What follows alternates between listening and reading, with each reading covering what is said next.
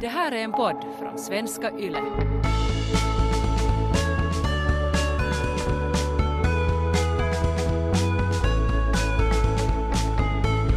varje vecka liksom sätta oss ner och prata riktigt gå på djupet. Det är Ted och det är Kaj. Välkomna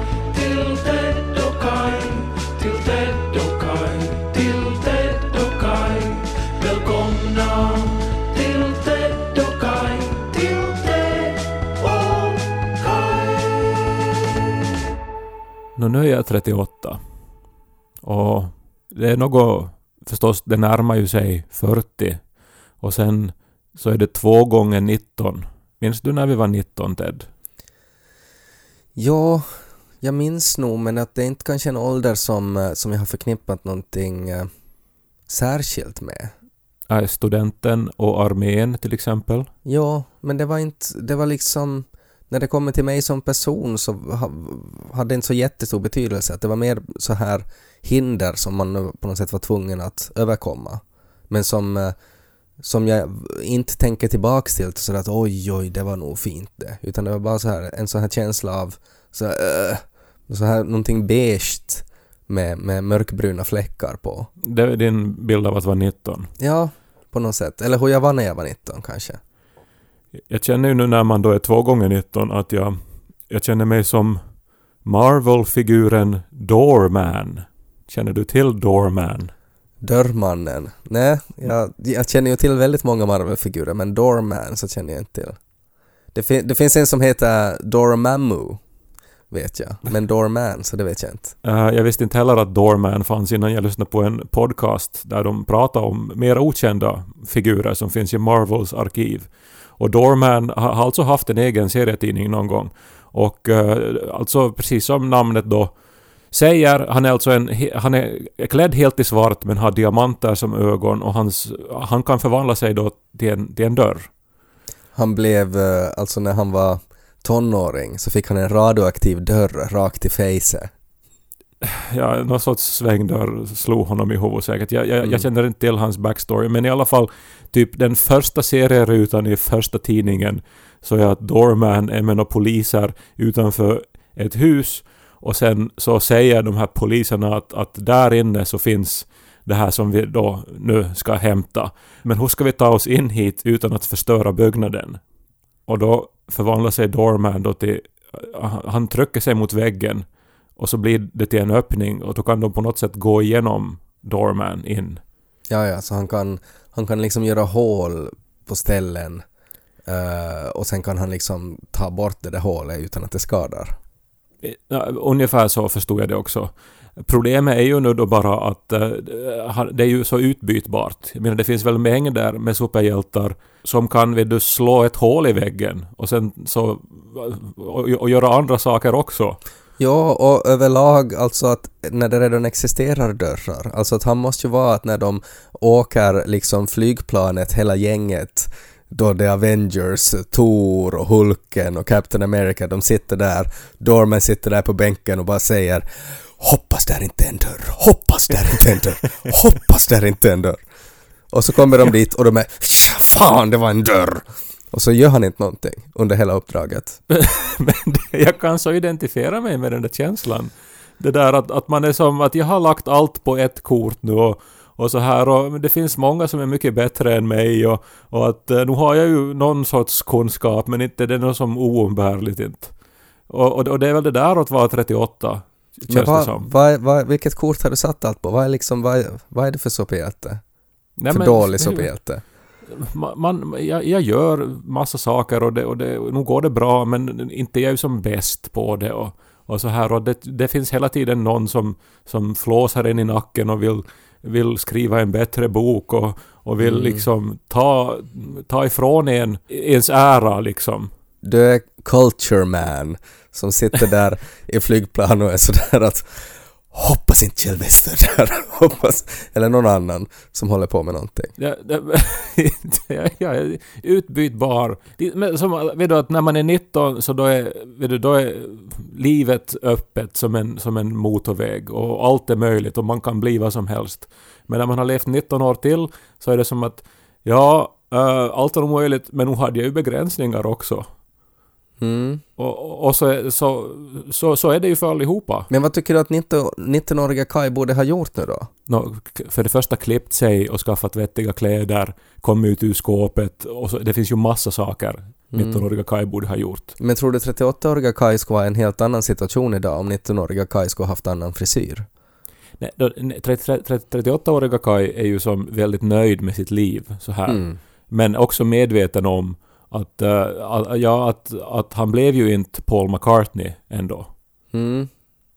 Det finns ju en Paul McCartney i varje 19-åring, en, en, du, ett frö så här. Ja, men var inte typ uh, Ricky Gervais, var han inte typ någon så här 36 eller någonting när han gjorde The Office? Ja, det är så här, jag menar du har ju det där barnet, så du har alltid det som, vet du, som, som, som ett skydd. Alltså Mm. som du kan, vet du, alltid när det kommer så här blixtar av, av så här dåligt självförtroende så, så kan du liksom lyfta upp Lo och, och, och, och visa det som den här i inledningen av Lejonkungen att titta, det här, det här har jag gjort och det här kan inte ifrågasättas. Du, du har helt rätt. Och det, det kan jag ju liksom alltid göra. Och han börjar ju bli trött över att jag alltid ska klättra upp med honom på den här klippan och kleta lite bärsylt i pannan på honom och hålla upp honom och alla hjortar som är där och sjunger. Ja, nej, men så är det ju. Alltså det, det kan man ju alltid och, och, och då är det på något sätt alla accepterar det. Ja, men då förstår jag. Då fattar jag varför Ted inte har åstadkommit något mer, för det var ju det där barnet. Åtminstone så gick jag ju då min egen väg, försökte bli superhjälte. Sen så råkade jag nu då satsa på en sån här egenskap som inte kanske nu då är, är den sexigaste eller den mest liksom den, den bredaste vägen till framgång, alltså författande. Men, men alltid så är det ju någon som behöver en författare precis som man behöver en dörr. Och då, då ringer man mig. Här var en gång en Essebo och en Pormobo som till Åbo for till börja Radio Pleppo i lag som har valt i en podd idag. Hej! Snart kommer Ted och Kai, vi lyser med samma vi jagar haj. Hörlurar ni till i fot så pop nu denna popcorn. Men det låter ju som att du inte haft så jättebra födelsedag.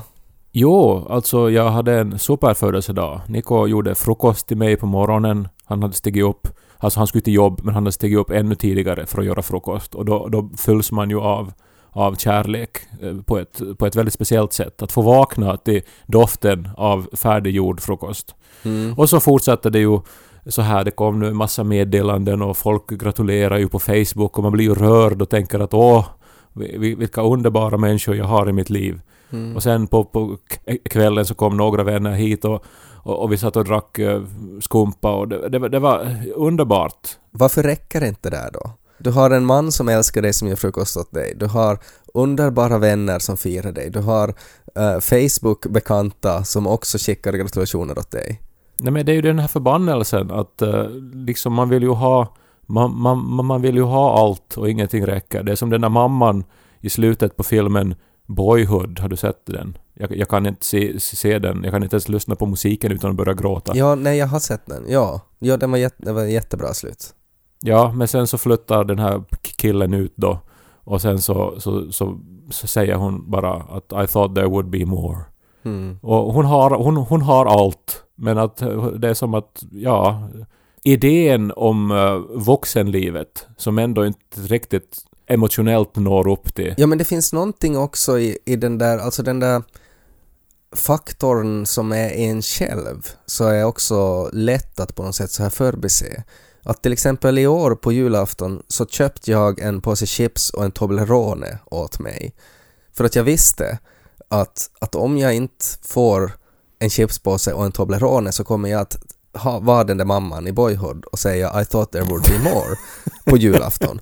Och jag visste att om jag inte själv tar det där steget och, och införskaffar de här produkterna som jag vet att jag behöver ha för att få en, en bra julafton, så händer inte det här. Och, och att man kan gå flera år, liksom man kan gå en hel ungdom och på något sätt bara förvänta sig att saker och ting ska hända liksom att jo men nej men nu, nu kommer det säkert någon, nå- någon dimper det ner någon kvinna från rymden och så blir hon kär i mig och så fixar det sig det. Men att sånt händer inte automatiskt utan att man måste liksom göra saker själv också. Alltså du, du tror att, att det här hålet för det är alltså nu pratar vi om det här hålet i hjärtat igen. Ja, vi pratar ofta om hålet. Men, men att din spontana tanke om vad som skulle fylla hålet på ett tillfredsställande sätt är alltså en kvinna från rymden som dimpar Nej, jag ner var- på nej, jorden. men- vi pratade om att, att vara 19. Då var det, då, det var egentligen det liksom. Det, mitt hål var format som en rymdkvinna när jag var 19. Och att jag tänkte att liksom, att man på något sätt skjuter fram saker och ting och tänker att men det här fixar sig nog. Det här fixar sig nog tills jag är 38, men så plötsligt är man 38. Och om man inte har gjort någonting då så fixar det inte sig automatiskt. Alltså att, och det är någonting som jag, jag vet inte om jag var liksom jätteoemottaglig för det här eller om det är bara ett budskap som inte tutas ut tillräckligt mycket men att man faktiskt måste engagera sig själv i hur det liv man vill ha. Ja, det där är ju, är ju en väldigt viktig insikt och så här. Och, och kanske det här hör ihop med att det är den här veckan nu som det faktiskt brukar vara penkis. Och nu, nu är det ju inte några penkisfestligheter i år, hoppas jag, för att vi lever ju fortfarande i någon sorts undantagstillstånd i världen. Eh, men att, jag menar, det är ju alltså en högtid som mer än någonting annat symboliserar ett sånt här hopp om det som ska komma och att nu är man vuxen och nu är allt möjligt och så här. Mm, och där har man också en, en på något sätt en sån här magisk tanke om att sen när jag har tagit studenten, då fixar sig alla problem, då blir det så här och så här. Men sist och slutligen så är det du själv som måste söka in till de här skolorna du vill ha. Du måste läsa på, på de här böckerna för att eh, klara provet och sen när du är där så blir det bara så bra som du också gör det. Ingen annan kommer att på något sätt göra det automatiskt för en. Och sen kan man fylla det här hålet med vad som helst. Men det kommer aldrig att vara fullt för gott. Det töms hela tiden. Det kräver mer. Det är ett svart hål. Men är det, alltså, alltså växer hålet också med åldern? Alltså att är, är det på något sätt att det där hålet kräver, alltså att man fyller det med olika saker och sen är man plötsligt 38 och så inser man att det som jag hade fyllt hålet med, så nu har hålet blivit större. Nej, nu ska jag säga precis vad det är. Man ska inte fokusera på hålet. Och det, är, alltså det är så frestande att göra det. Och på något sätt så måste man vara medveten om hålet och försöka tillfredsställa dess krav. Men om man fokuserar för mycket på det och bygger sitt liv kring det så kan det bara leda till, till olycka för det går inte att fylla. Och det är väl det som är hemligheten med att bli vuxen. Att man är aldrig nöjd. Du har en gård med en sån här sinkhole, sån här mexikansk sinkhole i, alltså en sån här, att har bara plötsligt hade uppkommit ett hål. De mexikanska. Ja, för i min värld så är de mexikanska. Det är på något sätt, det är väldigt förknippat med den delen av, av jorden. Men att du har en fin gård och du har ett stort hål där och vad du än slänger dit i det där hålet så fylls det inte. Eh, men att du har möjligheten där att ska jag liksom, ska jag ändå göra den här gården väldigt fin och trevlig och sätta såna där uh, kissande pojkfontäner och, och terrassgångor och allting så att det ändå är liksom fint eller Ska jag bara fokusera på att när man går ut på gården så bara oj det där jävla hålet, att det är det enda jag ser. Ja, nej men det är precis det där. Alltså, och, det, och det är livsfarligt att ta det på för stort allvar, det där hålet. Samtidigt som man måste vara medveten om det så att man liksom Ja, man inte kan, ramlar kan, dit. nej men exakt, du kan ju inte falla dit men du måste ju ha då plankor som du ibland liksom spänner över det där hålet så du tar dig över det. Eller någon sorts trampolin så du kan hoppa över det där hålet ibland. Dan Granqvist, den stora livsfilosofen i Sex och sånt-podden och eh, också legendarisk Radio Extrem programledare ändå, får man väl säga vid det här laget. Mm. Fina Dan från Chimito. Så uttryckte så elegant tyckte jag meningen med livet när vi diskuterar något liknande här inför min födelsedag. Att man kan ju inte sig själv hitta meningen med livet. För det är just det här att försöka fylla det här slukhålet som aldrig liksom blir fullt. Medan det ju är de människor man har omkring sig, i deras ögon så är ju meningen med ens liv fullständigt självklar. Till exempel för Lo så är ju meningen med ditt liv Ted helt sj- självklar. Du är ju papp, du är hans, hans papp liksom. Mm. Det, ju, det finns ju ingenting att ifrågasätta där. Nej, så är det. Och eh, för mig så är ju ditt mening med livet sj- självklar. Du är min bästa vän. Och om det är så att du i din värld inte hittar mening med ditt liv så är det ju för att det är omöjligt. Det är bara ur andras perspektiv som ditt liv får en odiskutabel mening. Mm. Så sa Dan Granqvist. Alltså sprach Dan Granqvist Ustra. Ja, jag tycker det är väldigt bra spracht. Eh, även om det finns någon, alltså det, jag kan inte helt formulera men det finns en liten brist i det också, alltså sådär att, att man på något sätt, det är jättebra att få en bekräftelse av andras ögon, alltså att, att hur man uppfattas där, men att det är ju man ska inte heller liksom nedvärdera hur viktigt det är på något sätt också att man är bekväm med sig själv. Och den, den biten kanske lite tonas ner i, i dans filosofi. Jag tycker om den men att det är ju ändå på något sätt, man måste ju... Det är ju ens inre röst. Och jag läste en så intressant slash skrämmande sak om inre röster också när du nämnde Lo här. Um, det var, det var ett, ett väldigt simpelt påstående. Det dina föräldrar säger åt dig blir till din inre röst. What the fuck? Ita pärorna och flytt inte från Essie. Ja, men när man, när man säger... Ta inte några banklån. Ja, exakt. Och de där sakerna, de, de liksom formas till din inre röst i något skede. Och, och sen så är den här in, inre stridigheten då, den här... För det är din egen inre röst som strider mot liksom den här inre rösten som du har på något sätt utsatts för i din... Men som man har en egen inre röst ändå. Ja, man har, man har en egen inre röst, tror jag, som man liksom på något sätt får så här den är neutral och, och organisk, men sen så, så påverkas den där jättemycket av de här liksom lärdomarna man också för jag menar, det hör ju till ens uppfostran och när man växer upp att man också lär sig hur världen fungerar. Och det är de sakerna som sen påverkas av den här inre rösten, att den blir lite schizofren på ett sätt. Men jag tycker bara att det, det, det är ju otroligt svårt för att det är ju egentligen allt vad jag säger åt Lone, allt vad jag nekar honom eller påpekar så, så tänker jag att ja, blir det där nu då sen en del av hans inre röst? Alltså sådär att hur man, hur man skapar trauman. Och han är i, han är i äppelsaft rehab nu och det har varit ett helvete hela morgonen. För att saft, saften är slut eh, och det har varit skrik sen dess. Och liksom allt det här, alla de här liksom kedjorna av liksom ja, ilska och förnekelse och vad, vad heter det, han försöker köpslå, kan, bara lite saft. och, och, och, och, och det är liksom hemskt, alltså det är fruktansvärt att vara äppelsaft eh, rehab. För också, alltså för personalen i rehab, men att också för de som, som genomgår alltså de här symptomen. Men att bara det som jag säger i de situationerna så, så tänker jag att ja, det där blir nu då en del av hans inre röst. Ja, och meningen med ditt liv i, i det ögonblicket är ju alltså att du är den som hindrar en att få saft. Ja, som är, som är det enda han vill ha. Det sa han i morse, att det är det enda han vill ha. Äppelsaft. Och, och, och vi hindrar honom från det. Från att han ska på något sätt nå lyckan. Det är det enda han vill ha. Det är bara det han vill ha. Nej, du får inte. Det är en otroligt dålig sån här Ma- Marvel-antagonist också. Mannen som hindrar andra från att få saft. Han sitter där i flygplanet. Hoppas det finns saft. Hoppas det finns saft. Sen sätter han sån här lufttäta lock över alla, alla glas.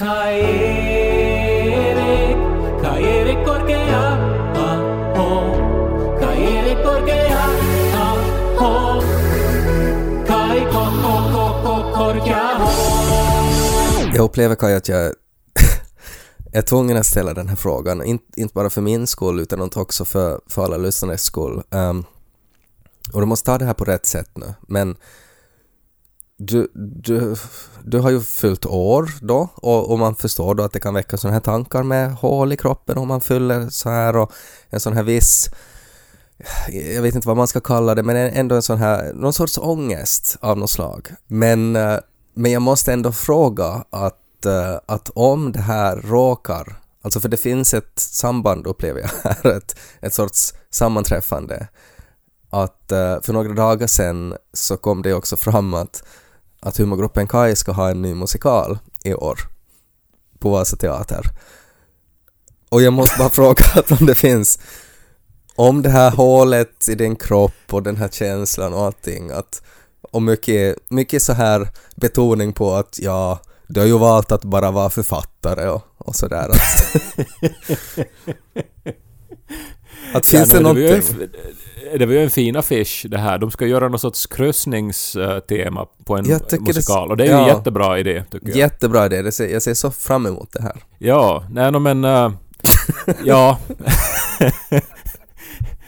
Men jag tänkte nog eh, när jag som såg eh, det här, alltså, när, när, alltså den här affischen, den dök ju upp då, som du sa, för förra veckan. eh, att, eh, för att jag har tänkt en del mycket så här på placeringar och aktier och, och, och, och- risktagningar och sånt liksom. Mm. Att, eh, att jag tror jag aldrig har stött på en affisch som är som att Vet du, alltså det finns 0% chans att det här inte ska bli en total succé. Ja, ja, Vet du, att, alltså, alltså att om jag skulle vara en riskkapitalist så skulle jag liksom investera allt jag äger i den där musikalen. Ja. För, att jag, för, för, för, för det skulle som... Vet du, det, det finns ingen chans att det inte blir avkastning och, och otroliga vinster. ja pro prognosen är god. Och det är väl därför det är så bra, alltså om man tänker sådär att hur året har varit för teatrar och sådär, så det är ju, det är ju väldigt bra att en teater kan, kan erbjuda någonting sånt här för publiken som, som, eh, som kan, kan i bästa fall också vara vinstdrivande. Det skulle vara Ja. jättebra. Men det är ju som, alltså de är ju nu då humorgruppen då, så de är väl eh, typ 27-28 år eller någonting nu. Så här Mm. halvvägs mellan studenten och uh, medelåldern. Mm. Och på något sätt liksom enligt de teorier vi har pratat om i det här av, av, avsnittet så borde det ju vara att även om de sitter nu då på det här esset i rockärmen och den här otroliga affischen och, och, och, och den här vetskapen om att det blir, det blir succé och kosing i höst så borde det ändå finnas ett slukhål i dem också. Ja. Eller är det det de saknar?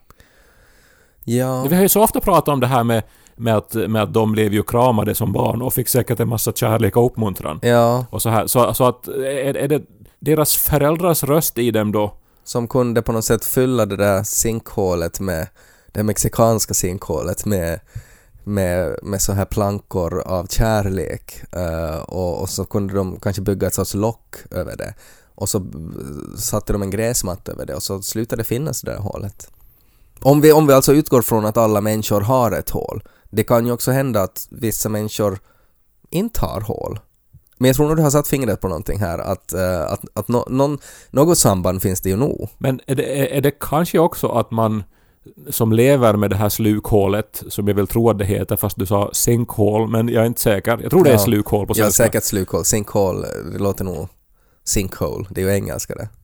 Ja, men eh, att, eh, att de identifierar sig också då mest med andra som har slukhål i sina liv. Och att Mm. man på något vis söker sig till sådana gemenskaper och skapar konst som har att göra eh, med det här hålets eh, närvaro på något sätt. Ja, som är attraherande för andra människor med hål i sig. Alltså att man har ett slukhålets tilltal är någonting man behärskar som är attraktivt för andra människor som har slukhål inom sig. Och som eventuellt också kan ju... Man kan ju prata om ett djup där också. Hur djupt hål man har. Nu låter ju det här som en förtäckt kritik av idén med den här kryssningsmusikalen. Men det var väl inte det vi tänkte? Alltså Nej. att det skulle sakna djup på något sätt? Nej, verkligen inte. Men jag, jag vet ju att det är någonting, när du har diskuterat de här frågorna tidigare så vet jag att de här sakerna har kommit upp. Alltså att Eh, alltså just det här med våndan i att vara författare, att du måste vara lite, ha en lite sårad själ för att kunna nå till det här djupet som, som är, är, är det åtråvärda. Medan jag kanske alltid har tyckt att det kan vara jättebra att få ett djup men att man måste inte liksom det, det är inte nödvändigtvis att man måste vara skadad som person för att kunna göra de här ultimata konstverken. Men du har ju det där barnet att visa upp som ursäkt, som sagt. Om jag någonsin ställs, alltså att det är också intressant det här att du på något sätt utgår från att du kommer att i något skede att ställas inför rätta där du behöver ha ett försvar. Men vet du vad? Det där är ju känslan som... eh, Det där, det är den känslan det handlar om. Ja men är det det då? Är det din mamma som sa ”Ita pärorna, skaffa ett riktigt arbete” och det är din inre röst? Ja, och sen så blandades hon väl samman då med, med den här eh, liksom obeveklige abrahamitiske guden som ju då fanns ständigt närvarande i Mm. uppfostran.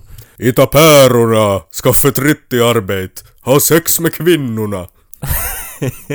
ja, men, och den här vetskapen om att man ska då mätas enligt vad man har åstadkommit och sina gärningar på något vis. Vad jobbigt. Ja, man skulle ha kunnat växa upp med den här att du doggar som du är. Du måste inte göra någonting. Vi tycker om det. Vad bra du dansar! Alltså var uppvuxen i Vörå. Ja, nej,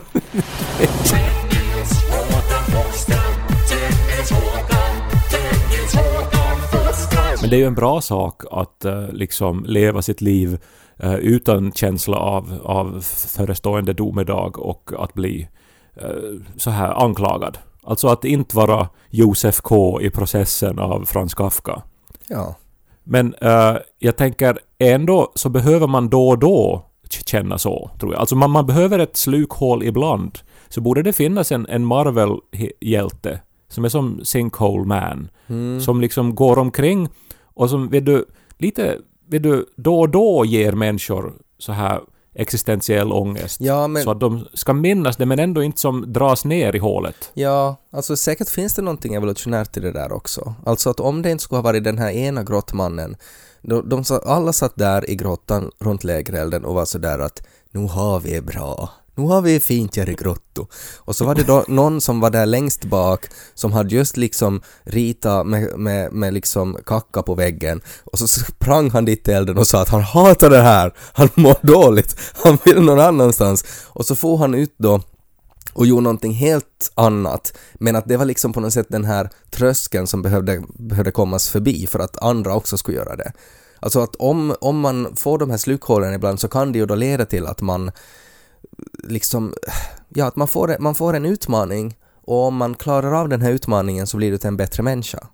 Ja, alltså, jag tänker nu på, jag vet inte varför jag tänker på musikaler, men den här lilla sjöjungfrun och de här fiskarna som har det så bra eh, under the sea. Mm. Under the sea, under the sea. Da, da, da, da, da. Alltså, om de skulle ha haft, vet du, alltså någon måste ju i något skede ha, ha som hoppa upp på land för att det ska bli landlevande djur på jorden. Mm. Det, det, du har helt rätt i det där. Inte kan man ju bara ha trevligt under vattenytan. Nej. Man måste nej. ju också få upp och det ska vara tungt att andas och, man, och, man, och, och sanden skaver i, mot ens gälar. För att det var det där hålet som måste fyllas med land, upplevde den ena fisken. Ja, men någonting som, som, som på något vis utmanar och som, och som är någonting där, så, som, som, som ingen har, har gjort förr. Mm. Jag vet inte. Nej men det är, ju, det är ju precis det. Alltså tänk att det fanns en fisk simma omkring i havet, den hade ett enormt slukhål i, i, sin, i, i sin kropp som måste fyllas med land. Och så flämtar den upp på stranden och så kan man dra ett streck direkt från det till humorgruppen Kais nya musikal. Det är ju otroligt! Ja, borde du, jag, jag tänker det här också hör ihop, borde du nu eh, istället för att köpa äppelsaft till din son, köpa grapefruktsjuice? Alltså, du bitter och sur och inte någonting som barn brukar tycka om, men Mm. som ändå kommer att utmana honom och kanske få honom att ta ett, ett steg framåt i sin Ja. utveckling. Du tänker alltså för att han har nu då ett äppelsaftformat hål i sitt hjärta som han vill bara fylla med äppelsaft. Men att jag ska istället fylla det med någonting han tycker är motbjudande. Nej, alltså att han lär sig om, om livet och att han liksom, att han vidgar sina perspektiv så här, så här genast. Mm. Och att han lär sig att leva med slukhålet som är äppelsaft då. Ja, nej men alltså jag tänker att det är nästan bättre det då. Att han går omkring med ett äppelsaftformat hål i sin kropp. Istället för att jag fyller det med någonting annat. Jag är inte säker på att vi har ringat in meningen med livet under den här diskussionen. Men Nej. åtminstone mår jag bättre, kan jag säga. Att jag var lite modfälld nog, trots att det var en fantastisk födelsedag. Men, men jag vaknade ändå så här lite bakfull och, och som ändå med en känsla av att ja, här rusar man mot döden. När jag har levt lika länge som jag har gjort nu, så då är jag 76. Och då kan det ju hända trevliga saker ännu. Men uh, nu är ju livet ändå till stora delar levt vid det laget, tänker jag. Ja, men så är det. Så att eh, det, det, det var som en sån känsla jag inledde. Men nu känner jag ändå så, så här hopp och som så här är du en, en lätthet i sinnet av att ha fått diskutera. Ja, men vad bra. Då kan ju det här vara min present till dig. För jag har ju inte något annat. Nej, det, det var jag också medveten om. Hmm. Eh, men det här var den bästa present man kunde få, Ted. Vad bra. Varsågod. Grattis, Kai. Tack, Ted. Ted och Kai, Ted och Kai, Ted och Kai. Ted och Kai.